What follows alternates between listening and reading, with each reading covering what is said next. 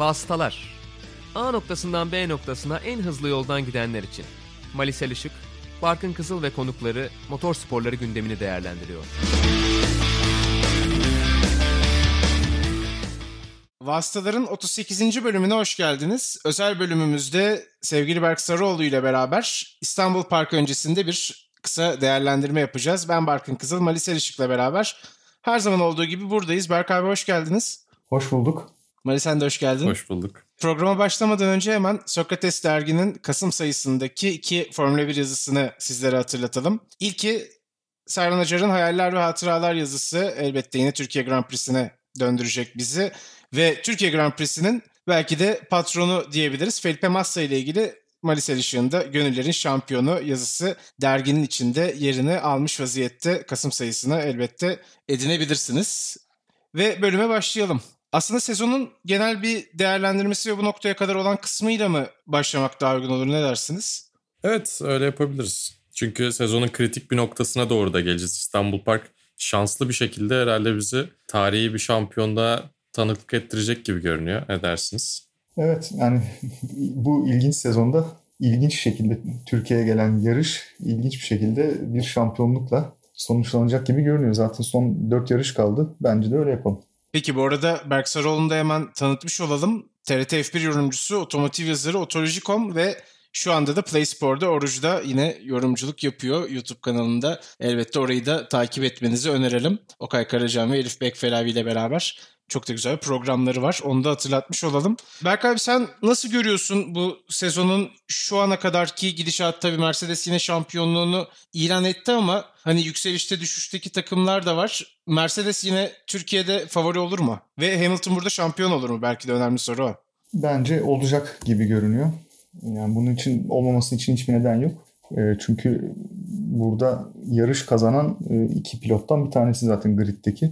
Dolayısıyla en tecrübeli isimlerden biri Türkiye'de. Yani dolayısıyla bence hani burada şampiyon olacaktır. Çünkü bir de bunu çok uzatmak da istemiyor aynı zamanda. Takımla ilgili çünkü bu kontrat sözleşmeleri, kontrat olayları iki, iki şampiyonluk e, sonuçlandıktan sonra noktalanacak diye bir kendi aralarında anlaşmaları var. Onu da bir an önce yapmak istiyorlar diğer iki tarafta. Dolayısıyla çok işin uzamasını bence şey yapmayacaktır. Türkiye'de bu iş biter gibi geliyor bana. İnşallah öyle olur. Yani Türkiye Grand Prix'si de ilginç bir şekilde dediğim gibi gelen Türkiye Grand Prix'si bir şampiyonlukla unutulmaz bir hale gelir inşallah. Sezona baktığımızda sezon beklendiği gibi gidiyor bence.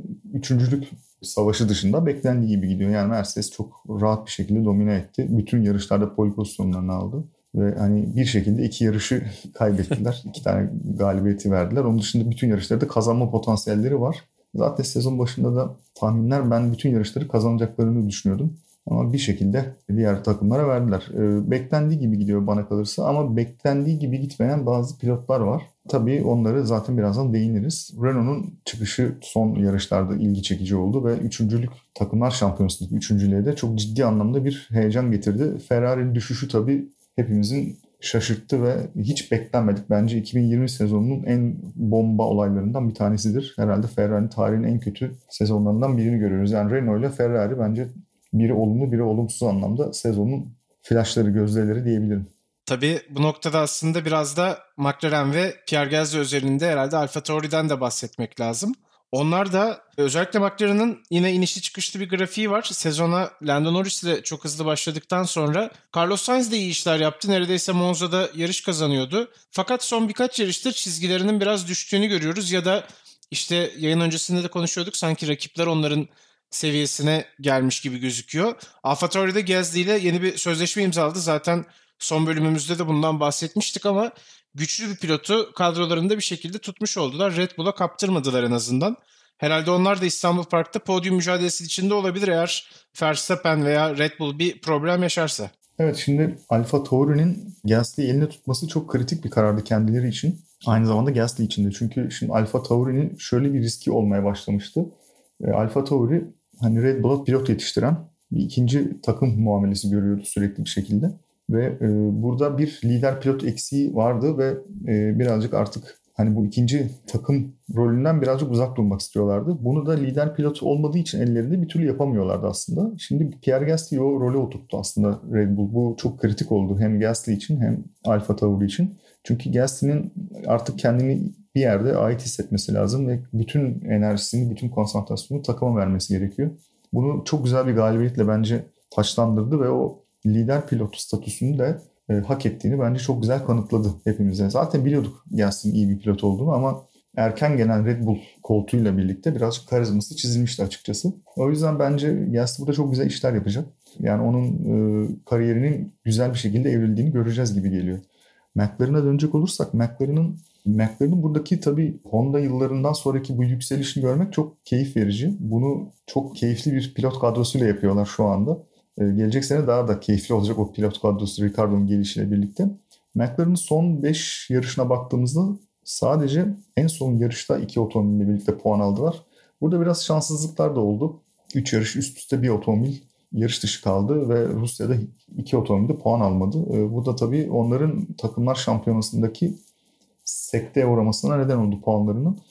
Ee, birazcık bu son dört yarışı abanıp asılıp işte Renault'dan o kaybettikleri üçüncülüğü zaten bir puan var aralarında bir şey de kalmadı. Ama o kaybettikleri üçüncülüğü geri alacaklardır diye yani düşünüyorum. Yani aslında çok düşünemiyorum. Renault bence kazanacak üçüncülüğü ama en azından elinden gelen her şeyi yapacaklardır.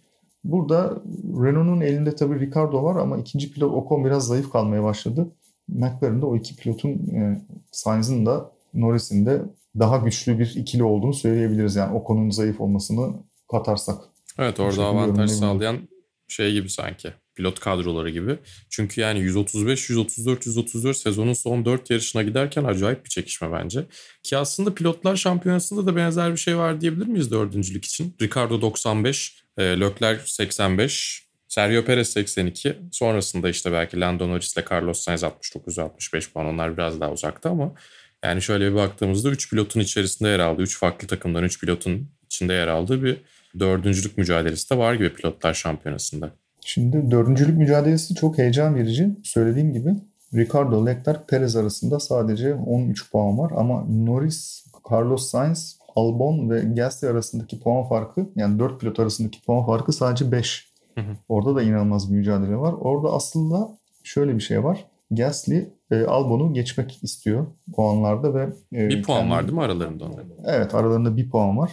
Ve bunu her an yapabilir ki yapacaktır da bence. Çünkü Albon'a baktığımızda son 3 yarıştır. Hatta son 4 yarıştır sadece bir puan aldı.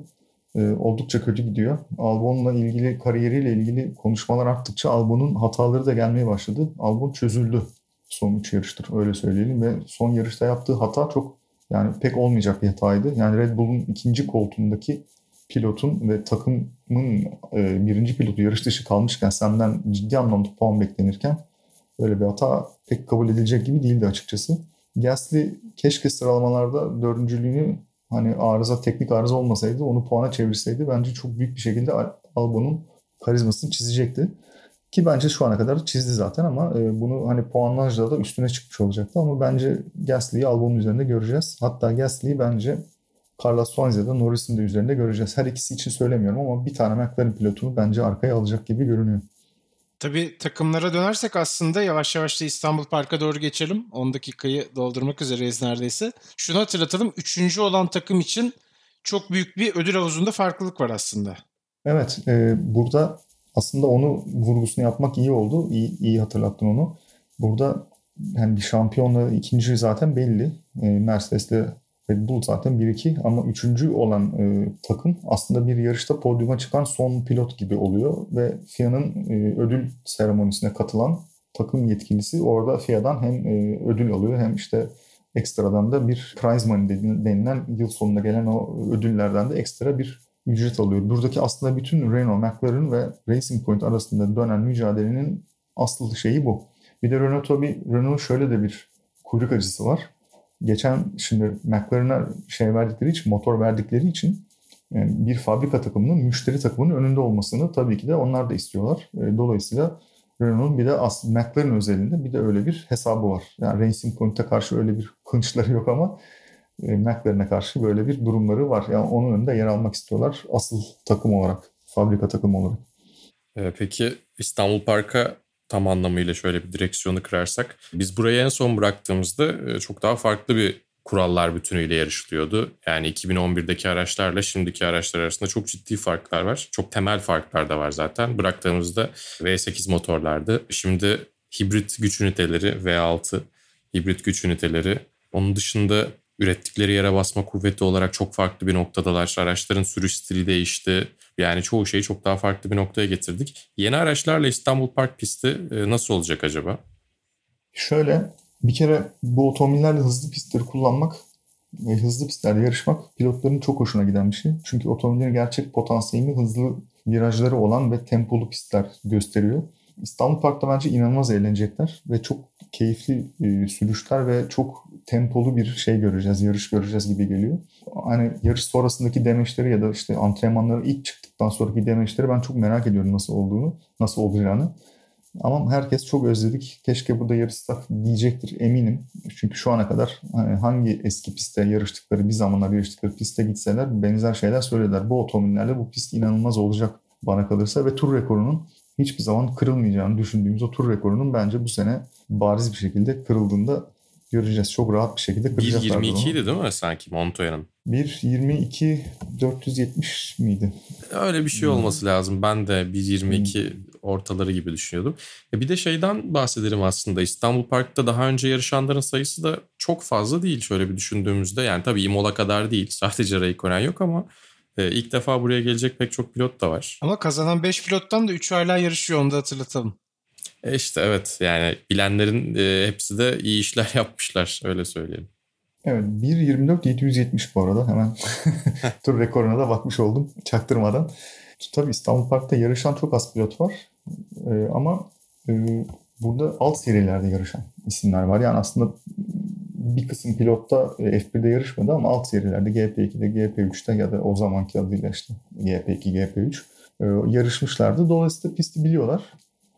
Ve hani bilmeyenler de çok zaten bizim pistimiz çok zor bir pist değil. Zor değil derken layout'u çok kolay bir pist ama çok teknik bir pist. Yani sürüş iyi derece çıkarması çok zor bir pist. Sadece ezberlemesi kolay bir pist. Onu söylemeye çalıştım. Çünkü viraj sayısı 14. Yani viraj sayısı kısmen diğer pistlere göre biraz daha az. E, dolayısıyla kolay ezberlenebilen ama e, çok çeşitli farklı çizgiler barındıran özellikle 8. viraj gibi çok aşırı teknik e, virajların olduğu ve farklı çizgilerle fark yaratabileceğiniz bir pist. Setup yapılması da zor bir pist bu arada onu da söyleyeyim. Çünkü hani özellikle ikinci sektör çok yavaş bir sektör. Daha ikinci sektör değil, ilk sektörün sonu çok yavaş ama ikinci sektörle beraber tempo artmaya başlıyor. Üçüncü sektörde zaten hani en hızlı bölgesine geliyorsunuz pistin. Tam buna yap, geldim, gelmişken e, yavaş virajlarla da tekrar start finish düzlüğüne çıkıyorsunuz. Start finish düzlüğü de aslında kısa bir start finish düzlüğü var. Yani pistin aslında bence daha uzun bir start finish düzlüğü olabilirmiş. Benim İstanbul Park'la ilgili şeyim o. Çok hızlı bir şekilde bitiyor. Hızlı bir otomobille start finish düzlüğü. O yüzden de birazcık da ayar yapılması da zor bir pist aslında. Ya bu piste yani. alışmak sevmekten daha zor geliyor diye bir şaka düşündüm ama şu anda çok oturmadığını da fark ettim. oldu, ya, oldu. ya da oturuyor da olabilir emin değilim. güzel oldu güzel. Herhalde 11 ve 12. viraj arasındaki düzlük Berkay senin dediğin gibi daha uzun. Orası belki daha uygun olabilir miydi? Hani yine İtalya'daki ee, gibi bir ilk şikan benzeri başlangıç da olabilirmiş öyle olsaymış. Ha, değişik. Yani şöyle evet aslında 10. E, virajdan 12. viraja kadar arada bir tane 11. viraj var ama orası viraj gibi değil. E, tam gaz geçiriyor. Bir de zaten yokuş yukarı tırmanan bir yer olduğu için otomobilin yere basma gücü iyice maksimum çıkıyor orada. Dolayısıyla onda açtığı zaman gazı 12. virajın frenajına kadar hiç kaldırmadan sağ, bayağı bir saniye gidiyorlar. Ben de çok keyifli otomobillerle orada hızlı yapmıştım, gazlamıştım. E, turlama şansım olmuştu. Gerçekten çok eğlenceli bir viraj, 11. viraj. Evet yani orası şey, asıl otomobillerin ayarını fark ettireceği yer o. Yani burada yavaş kalmanız, daha doğrusu 10. virajdan kötü çıkmanız düzlükteki sonundaki şeyi etkiliyor, hızınızı etkiliyor ve 11. virajdan itibaren tırmanmaya başladığınız için de burada motor gücü de öne çıkıyor. Çünkü motoru çok yani motor gücü düşük bir otomobilde yokuş yukarı çıkarken yeteri kadar hızlanamıyorsunuz. Bu da hani yokuş bitip de düzlüğe çıkıp frenaja gireceğiniz yerde arkadaki otomobil size çok rahat bir şekilde yetişmesini sağlıyor. Zaten DRS açıyorlar orada. E, dolayısıyla burada ciddi anlamda da geçişler göreceğiz 11. 12. viraja gelmeden yani o frenajda. Hani o Vettel'le Weber'in kazasının olduğu noktada. ciddi şeyler göreceğiz. Geçişler göreceğiz gibi geliyor bana. Yani ben e, konuyu zaten hazır 11. ve 12. viraj demişken oraya bağlayacaktım. Sen de söylemiş oldun. E, İstanbul Park'ın en hatırlanan yarışlarından bir tanesiydi. Hatta en hatırlanan yarışı diyebiliriz bence 2010 için. o kazada da anlatım kabininde sen de vardın yorumcu olarak. Biraz geçmiş yarışlardan şöyle bir bahsedelim aslında. E, 2010 özelinde ilk 2010'dan başlayalım. E, sonra geri kalan e, yarışları da şöyle bir hatırlayalım istersen. Evet. 2010'daki o olay aslında İstanbul Park'ın en çok hatırlanan olayı. Çünkü hem e, Red Bull'un bir bariz bir dublesinden olmasına neden olmuştu. Hem de takım içindeki dinamiklerin değiştiği yarışların başında geliyordu. Vettel'in otomobilden indikten sonra eliyle yapmış olduğu hareket, işte evet. Weber'in moral bozukluğu ve bundan sonraki takım dinamikleri hiçbir zaman Türkiye'den sonra şey olmadı. Red Bull'un istediği gibi olmadı zaten. İkili arasındaki gerginliklerin başladığı yer diyebiliriz buna. Biz tabii Okay abiyle birlikte o yarışı anlatıyorduk. Yani anlatım şeyindeydik. Yorumcu olarak ben vardım. Okay abi anlatıyordu. Biz çok heyecanlandık. olayları olayları gördüğümüzde hatta ben Okay abiye gösterdiğimde bak dedim geliyor diye işaret ettiğinde beraber ayağa kalktık böyle. Ondan sonra işte Vettel atağını yaptı. Araçlar birbirine çarptı. Okay abi böyle çok aşırı heyecanlandı. Hatta o kadar heyecanlandı ki ayağa kalkarken sandalyeyi böyle çok hızlı kalkmış ayağa. Sandalye gitti. Sandalye uçtu arkaya. Şimdi baktım sandalye gitmiş.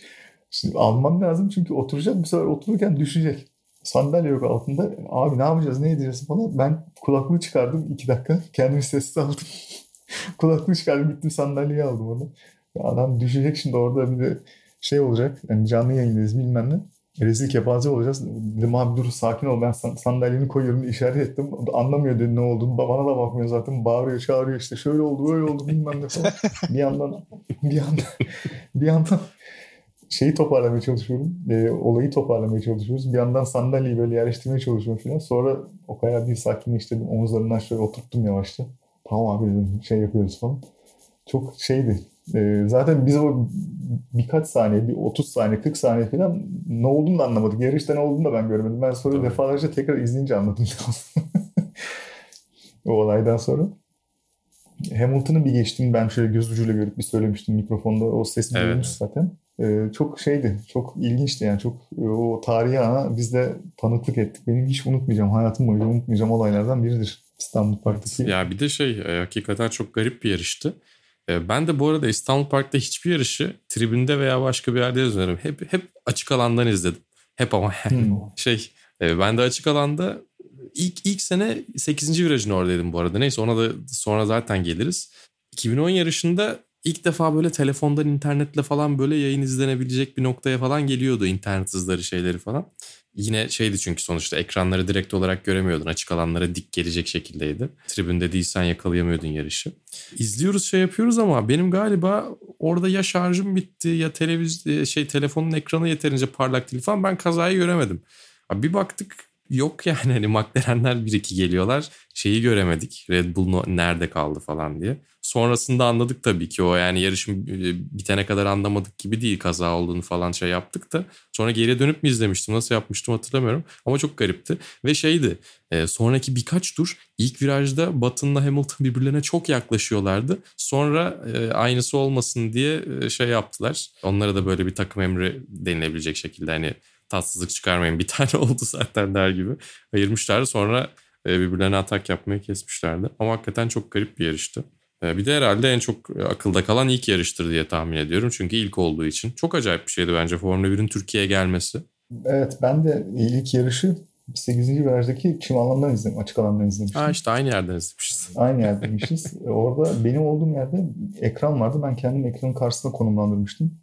Oradan o biteni izleyebiliyordum ama çok uzakta kalıyordu ekran. Hmm. Yani de işte gözünü kısarak falan böyle ne olduğunu anlayabiliyordum. Ben ilk şeyde gözlerim dolmuştu. Yani yeşil işte kırmızı ışıklar söndü, yarış başladı. Dedim ki herhalde bu gerçek değil. Ben birazdan uyanacağım falan gibi düşünüyordum böyle. Otomobiller önünden geçince böyle gözlerim doldu. Tüylerim diken diken oldu. Abi gerçekmiş. Abim vardı yanında. Hmm. Abi gerçekten F1 Türkiye'de ve biz şu an izliyoruz. Ben inanamıyorum buna demiştim. Çok duygulandığım anlardan biriydi. Çok müthiş keyifli bir andı. Hiç unutmam o anda. Yani Türkiye Grand Prix ile ilgili iki tane çok böyle şey anım var. Unutmayacağım anım var.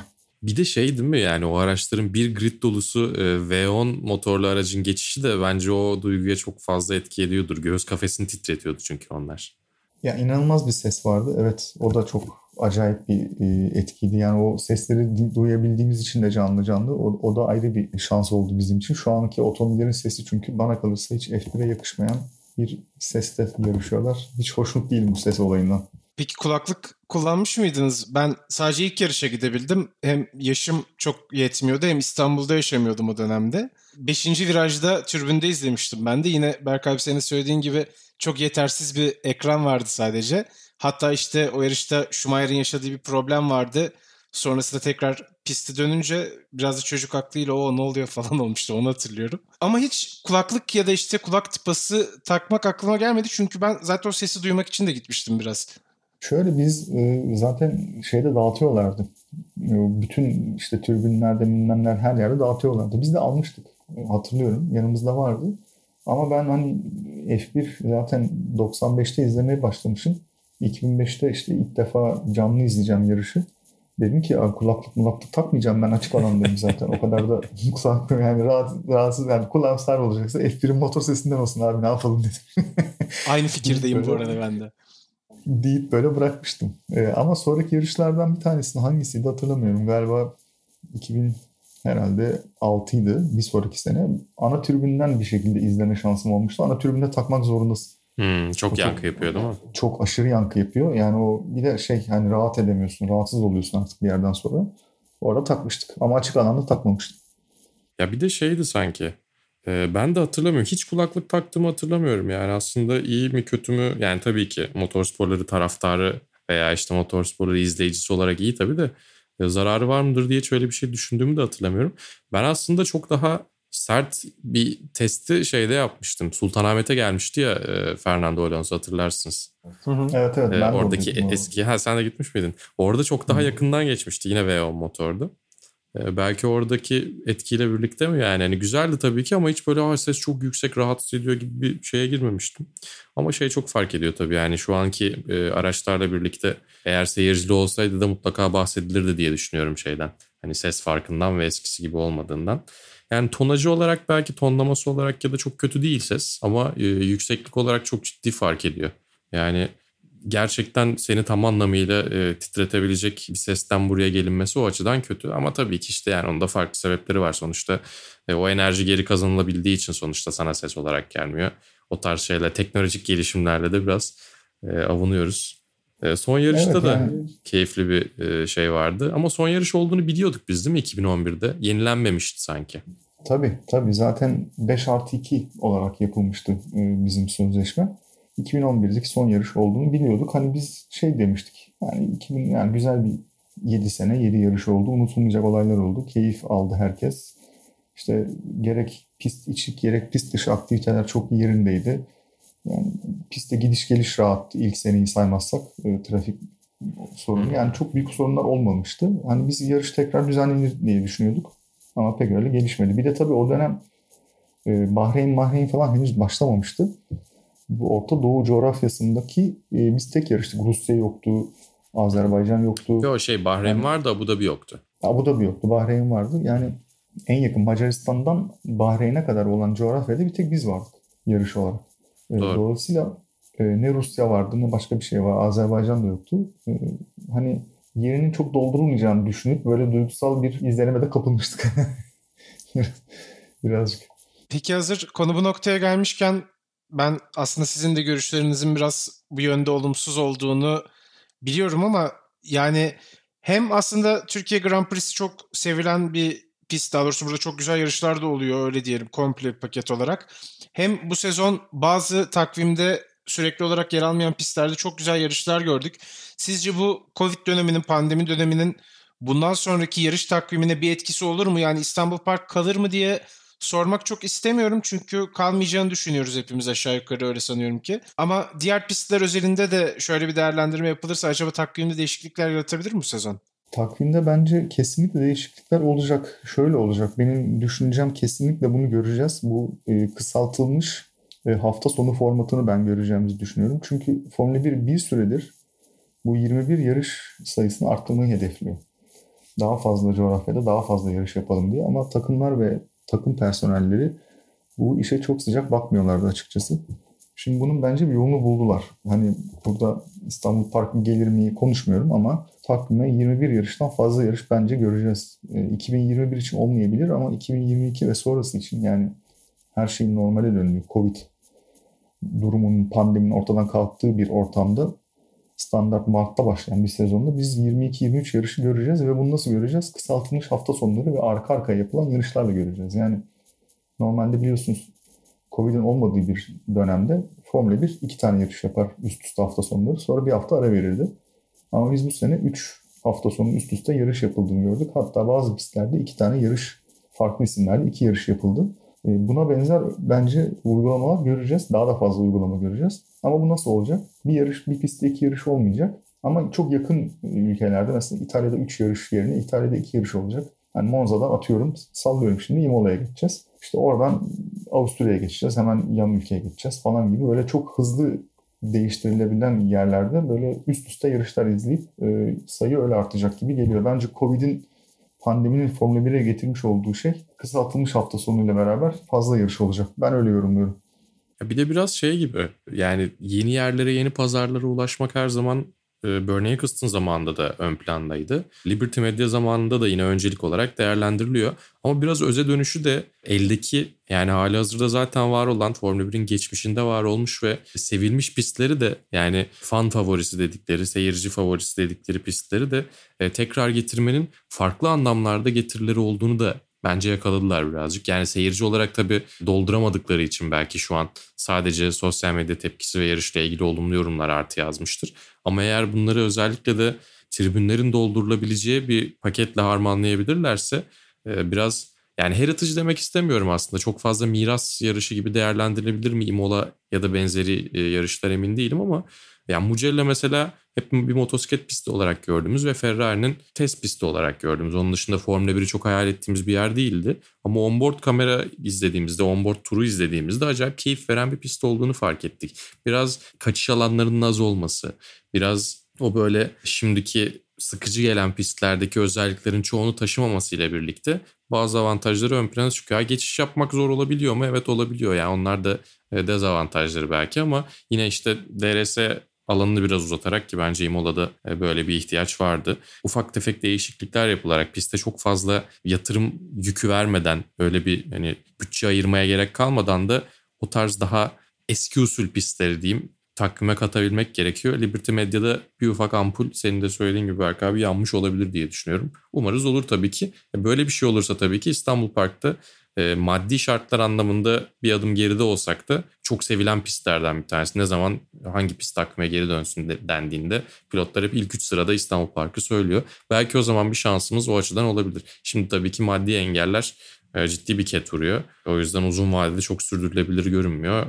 Tek seferlik gibi bakıyoruz. Evet ama şey avantajımıza şimdi maddi kısmı bir yere koyuyorum ama bu iki hani iki yarışın yakın coğrafyada koşulması konusunda bizim yanımızda hemen Azerbaycan var. Soçi'de var hatta. Rus... O da çok uzak değil. Evet Rusya var, e, Soçi var. İkisi de çok yakın. Hani olası bir böyle bir senaryoda hani Türkiye'den sonra biz hangi yarışı yapabiliriz dedikleri anda iki tane pistte biz çok güzel komşuluk yapıyoruz. Ve iki pistte de çok rahat bir şekilde yarış bizden sonra ya da onlardan sonra bizde yarış çok rahat bir şekilde düzenlenebilir ve maliyetleri çok düşürecektir. Yani oradan çıktığın zaman Rusya'dan hani çok rahat bir şekilde iki gün içinde burada olabilirsin yani çok hiçbir problem yok. Aynı şekilde öbür tarafta da. Peki pistte şu anda çok yoğun bir çalışma döneminin zaten olduğunu biliyoruz. Zaten bir süre boyunca maalesef atıl kalan bir pist olmuştu ama en iyi şekilde bakımları yapılıyor. Zannediyorum ki e, sürekli olarak yetkililer de gelip kontrolleri sağlıyorlar. Berk abi sen hem sürüş yapmış hem yarış anlatmış birisi olarak pistte tehlike görüyor musun? Yani uzun süre kullanılmaması senin için bir soru işareti yaratıyor mu? Gerek yarışın yönetilmesi işte Türk yetkililer tarafından gerek yarışçılar açısından nasıl bir yarış da bekliyorsun aslında ona da bağlamak istiyorum. Yani şöyle bir genel değerlendirme olarak hafta sonu yaklaşırken fikirlerin nelerdir onu da öğrenmek istedim. Tabii ki. Bu güzel de bir soru oldu. Şimdi pistin kondisyonu ben orada çalıştım bu arada. Onu da söyleyeyim. Bir buçuk iki sene kadar e, sürüş eğitmenliği yaptım İstanbul Park'ta. Yani benim iş yerimde orası. Öyle söyleyeyim. Her gün gidip geldiğim ofisimdi yani. Kıskandırma Ee, bizi. E, medya merkezi de bizim akademinin, e, sürüş akademisinin ofislerinin olduğu yerde. Biz her gün medya merkezine girip çıkıyorduk yani. E, dolayısıyla pistin nasıl ele alındığını çok birebir deneyimledim ve gördüm. Hani pist hiç olmadığı kadar bakımlı. Onu söyleyebilirim. Yani F1 olacağı için değil. Ama hani Interstil ekibi pisti gerçekten sanki kendileri inşa etmişler gibi kendi ofisleriymiş gibi zaten öyle ama hani sanki pistin sahipleri kendiymiş gibi kiralamamışlar gibi bir e, ciddi bakım şeyine girdiler. Hatta şöyle ufak tefek örnekler vereyim. E, biz gittiğimizde oraya ben ilk işte başlayanlardan biriyim oraya yani sürüş akademisine. Biz gittiğimizde pistin etrafındaki çitler delinmişti ve pist arazisine işte hayvanlar giriyordu. Köpekler işte kediler bilmem neler ve çok ciddi miktarda giriyordu. Bunların çitlerin işte onarılmasından tutun işte yabani otların kesilmesi, işte türbinlerde hiçbir yarış olmamasına rağmen türbinlerin boyanması, işte drenaj kanalları patlamıştı şeylerde, türbinlerde. O boruların değiştirilmesi falan. Komple bunlar Intercity zamanında ilk kiralandığı yıl, yıldan beri, günden beri yapılıyor. E, dolayısıyla pistin üzeri de bütün pist üstü tesisler işte medya merkezi, pit alanları tamamen hepsinin bakımları zaten yapılıyor. Yani ben birebir gördüğüm için söylüyorum bunları. Bu arada hani kulaktan dolma bilgiler değil. Bayağı orada o çalışmanın bir kısmında hatta ben de merakımdan gidip bakmıştım ne yapıyorlar diye. E, dolayısıyla hani pistte şey olarak, altyapı olarak hiçbir problem yok. Onu bir kere söyleyelim çok net bir şekilde. Ben e, yarış olarak çok son derece keyifli bir yarış bekliyorum. E, yani pistin yapısı itibariyle çünkü geçiş yapılabilen bir pist, hataya çok şey yapan bir pist pilotları hatayı sürükleyen de bir pist. E, o yüzden hani burada birazcık yarışmış olmak, alt seride ya da F1'de yarışmış olmak bir tık o isimleri öne çıkartacaktır. Onu söyleyebilirim. Yani burada F1 otomobiliyle limitleri bulmak kolay değil. Çünkü gerçekten pist pistin şimdi yüzeyi de asfalt yüzeyi de değişti. Dolayısıyla hani ne kadar çok e, otomobil dönerse pist o kadar hızlanacak. Ama bu da tabii lastikleri kullanma konusunu birazcık farklı bir noktaya götürecek. Ben çok zevkli bir yarış göreceğimizi düşünüyorum. Bakalım yani inşallah beklediğim gibi olur ama tek düşüncem inşallah yağmur yağar. Hmm. Evet ya Kasım ayında tabii İstanbul'da yağmur çok da olası bir şey. Yarışı da unutulmazlar arasına sokabilir gerçekten. Evet burada hiç yağmurlu yarış F1'de izlemedim. Diğer serilerde izlemiştim. Ama F1'de hiç yağmurlu yarış izlemedim. Yağmurda şey çok zor oluyor. 11. virajın limitini, limitini bulmak aşırı zor oluyor. Hmm.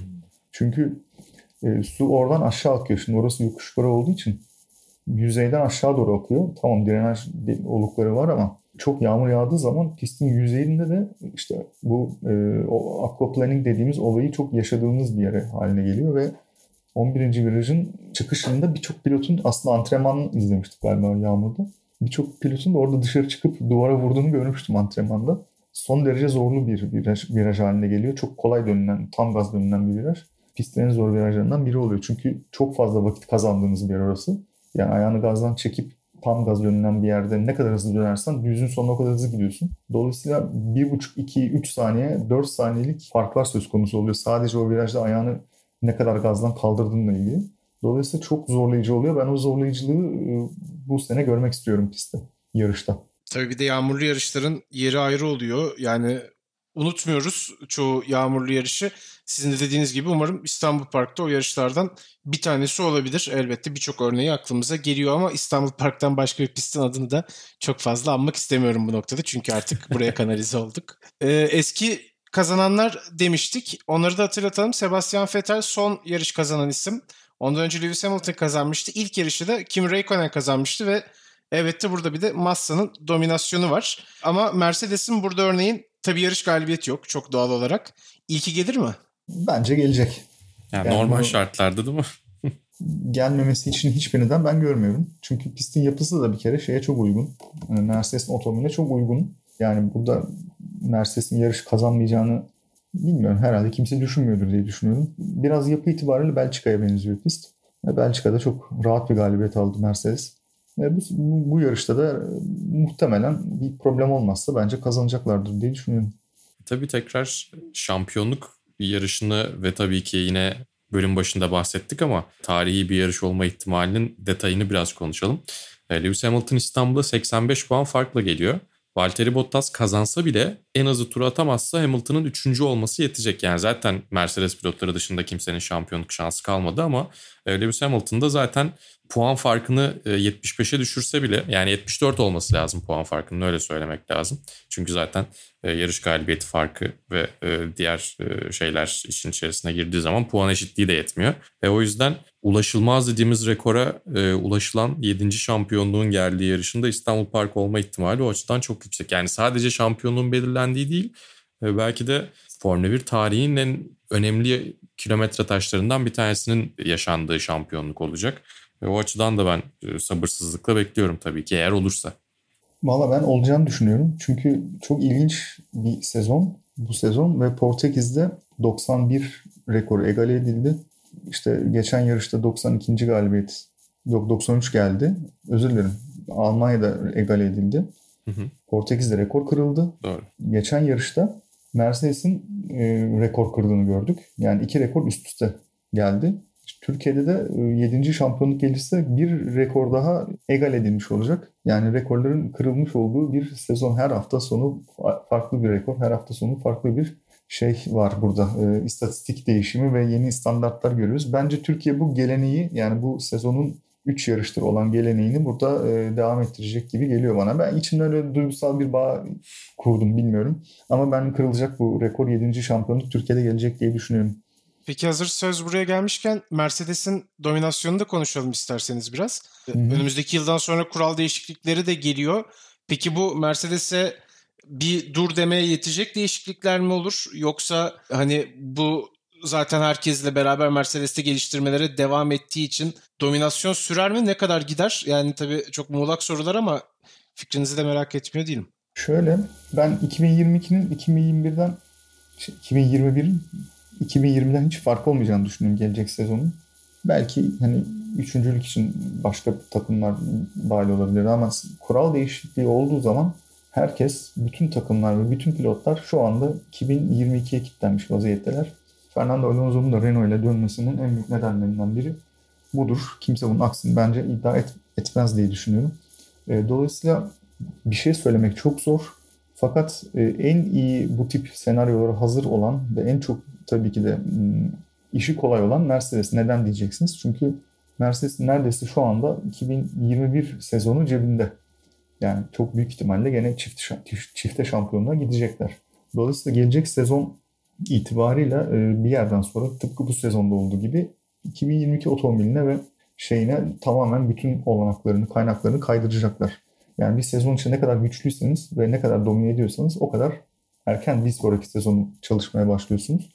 Dolayısıyla bu konuda en güçlü şu anda Mercedes. Ama tabii diğer takımlar da mesela Ferrari bunu yapacak. 2021'e hiç önem vermeyip bütün enerjilerini 2022'ye kaydıracaklar. Aynı şekilde Renault da buna hazırlanıyor. Bütün takımlar buna hazırlanıyorlar. Dolayısıyla 2022 için bir şey söylemek bence şu an çok erken. Ama ya her her an herkes bir şey yapabilir. Ee, ben çok heyecanla bekliyorum bakalım ne olacak diye. Ee, ama çok çok çok sürpriz bir şeyler de görebiliriz diye bir beklentim var. Ya belki şey olabilir. Yani 2022 özelinde konuşuyorum. 2021 konusunda bence hepimiz aşağı yukarı aynı şeyleri düşünüyoruzdur. E, 2022'de e, şöyle bir dezavantaj var Mercedes'in rakipleri için. Mercedes'in 2014'ten beri olan üstünlüğünün en büyük komponenti, en büyük parçası güç ünitesi sonuçta. Ve o kural değişmiyor. Yani sonuçta aynı güç üniteleriyle devam edecekler aşağı yukarı. En güçlü oldukları nokta ellerinden alınmadığı sürece de ki bence bu arada Liberty Media'nın bu yaklaşımı güzel çünkü başarıya ket vurmak yerine arkadakilerin yaklaşmasını sağlamaya çalışıyorlar. Ben biraz daha takdir ediyorum bunu. Yani güç üniteleri değişmediği sürece Mercedes'in o üstünlüğünün bir noktaya kadar korunacağını düşünüyorum. Ama bir taraftan bütçe kesintisiyle birlikte, e, bütçe e, kısıtlamasıyla birlikte daha doğrusu diğer markaların, diğer takımların öndekilere, büyük otomobil markalarına, onların harcadığı bütçelere yetişme zorunluluğu ortadan kalkacak. E aynı zamanda yani aslında sadece e, bütçelerde ve padokta değil ya da işte e, finansal anlamda değil pist üstünde de takımları ve markaları birbirine yaklaştırmaya çalışıyor. FIA ve Liberty Media ve FOM öyle söylemek lazım belki. E, araçların birbirini daha rahat takip edebildiği bir noktada sürüş stilleri de biraz ön plana çıkacak olabilir. Yani biraz daha aracın galibiyete veya başarıya olan yüzdesi de azalacak olabilirse o zaman atıyorum Fernando Alonso'nun Renault'daki başarı katsayısı önümüzdeki yıl kaçsa 2022'de iki katına çıkabilir. Çünkü o zaman pilot çok daha farkını ortaya koyabilir. Ya da işte hani Imola'yı hiç izlemediğimizi varsayarak George Russell'ı öveceğim şimdi. George Russell'ın Williams'la aracın performansının çok daha fazla üzerine çıkabildiği bir durum 2022'de ortaya çıkabilir. Tabii 2022'de George Russell hala Williams'la olursa e, isyan eder başka bir yere gider mi ondan da emin değilim. Ama pilotların ön plana çıktığı bir noktada işler daha tahmin edilemez hale gelebilir. E ne olursa olsun o zaman her şeye e, dikkat ederek pit stratejinizi ortaya koymaya çalışıyorsunuz. Belki biraz daha Mercedes'in hegemonyası o noktada kırılabilir. Ama işte bu e, olumlu bir adımken bir taraftan dediğim gibi güç üniteleri de hala aynı kaldığına göre Mercedes o avantajı koruyacaktır. Yani şey çok enteresan geliyor. Ben bu soruyu çok cevaplayamıyorum açıkçası. Şimdi diyelim ki 2022'ye başladık biz.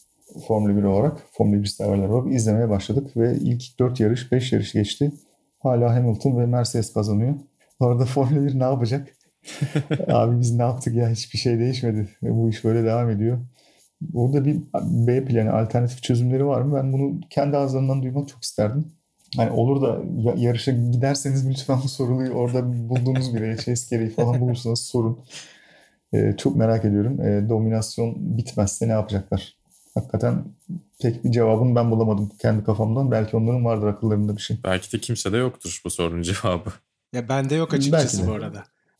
Zor bir soru. Bence yani böyle bir şey beklemiyorlardır. O yüzden de bu soruyu sormamışlardır. Ya da soruyu soran mutlaka vardır ama bu senaryoyu düşünmek istemedikleri için cevaplı üretmemişlerdir bence. Bilmiyorum.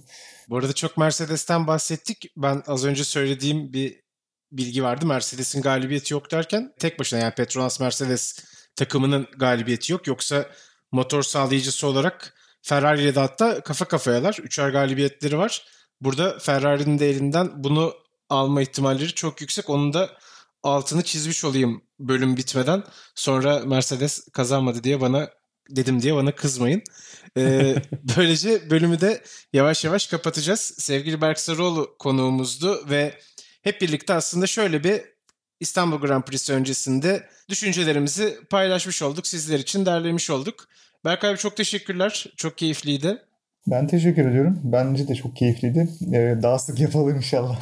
Tabii. Ne zaman müsait olursan her zaman bekleriz. Böylece bölümü kapatıyoruz. Vasıtaların bu bölümü sona erdi. Artık bir sonraki bölümümüz İstanbul Park'tan sonra olacak. Bakalım burada konuştuklarımızda yarış sonrasında konuştuklarımız ne oranda örtüşecek diyelim ve sizlere veda edelim. Hoşçakalın. Hoşçakalın. Hoşçakalın.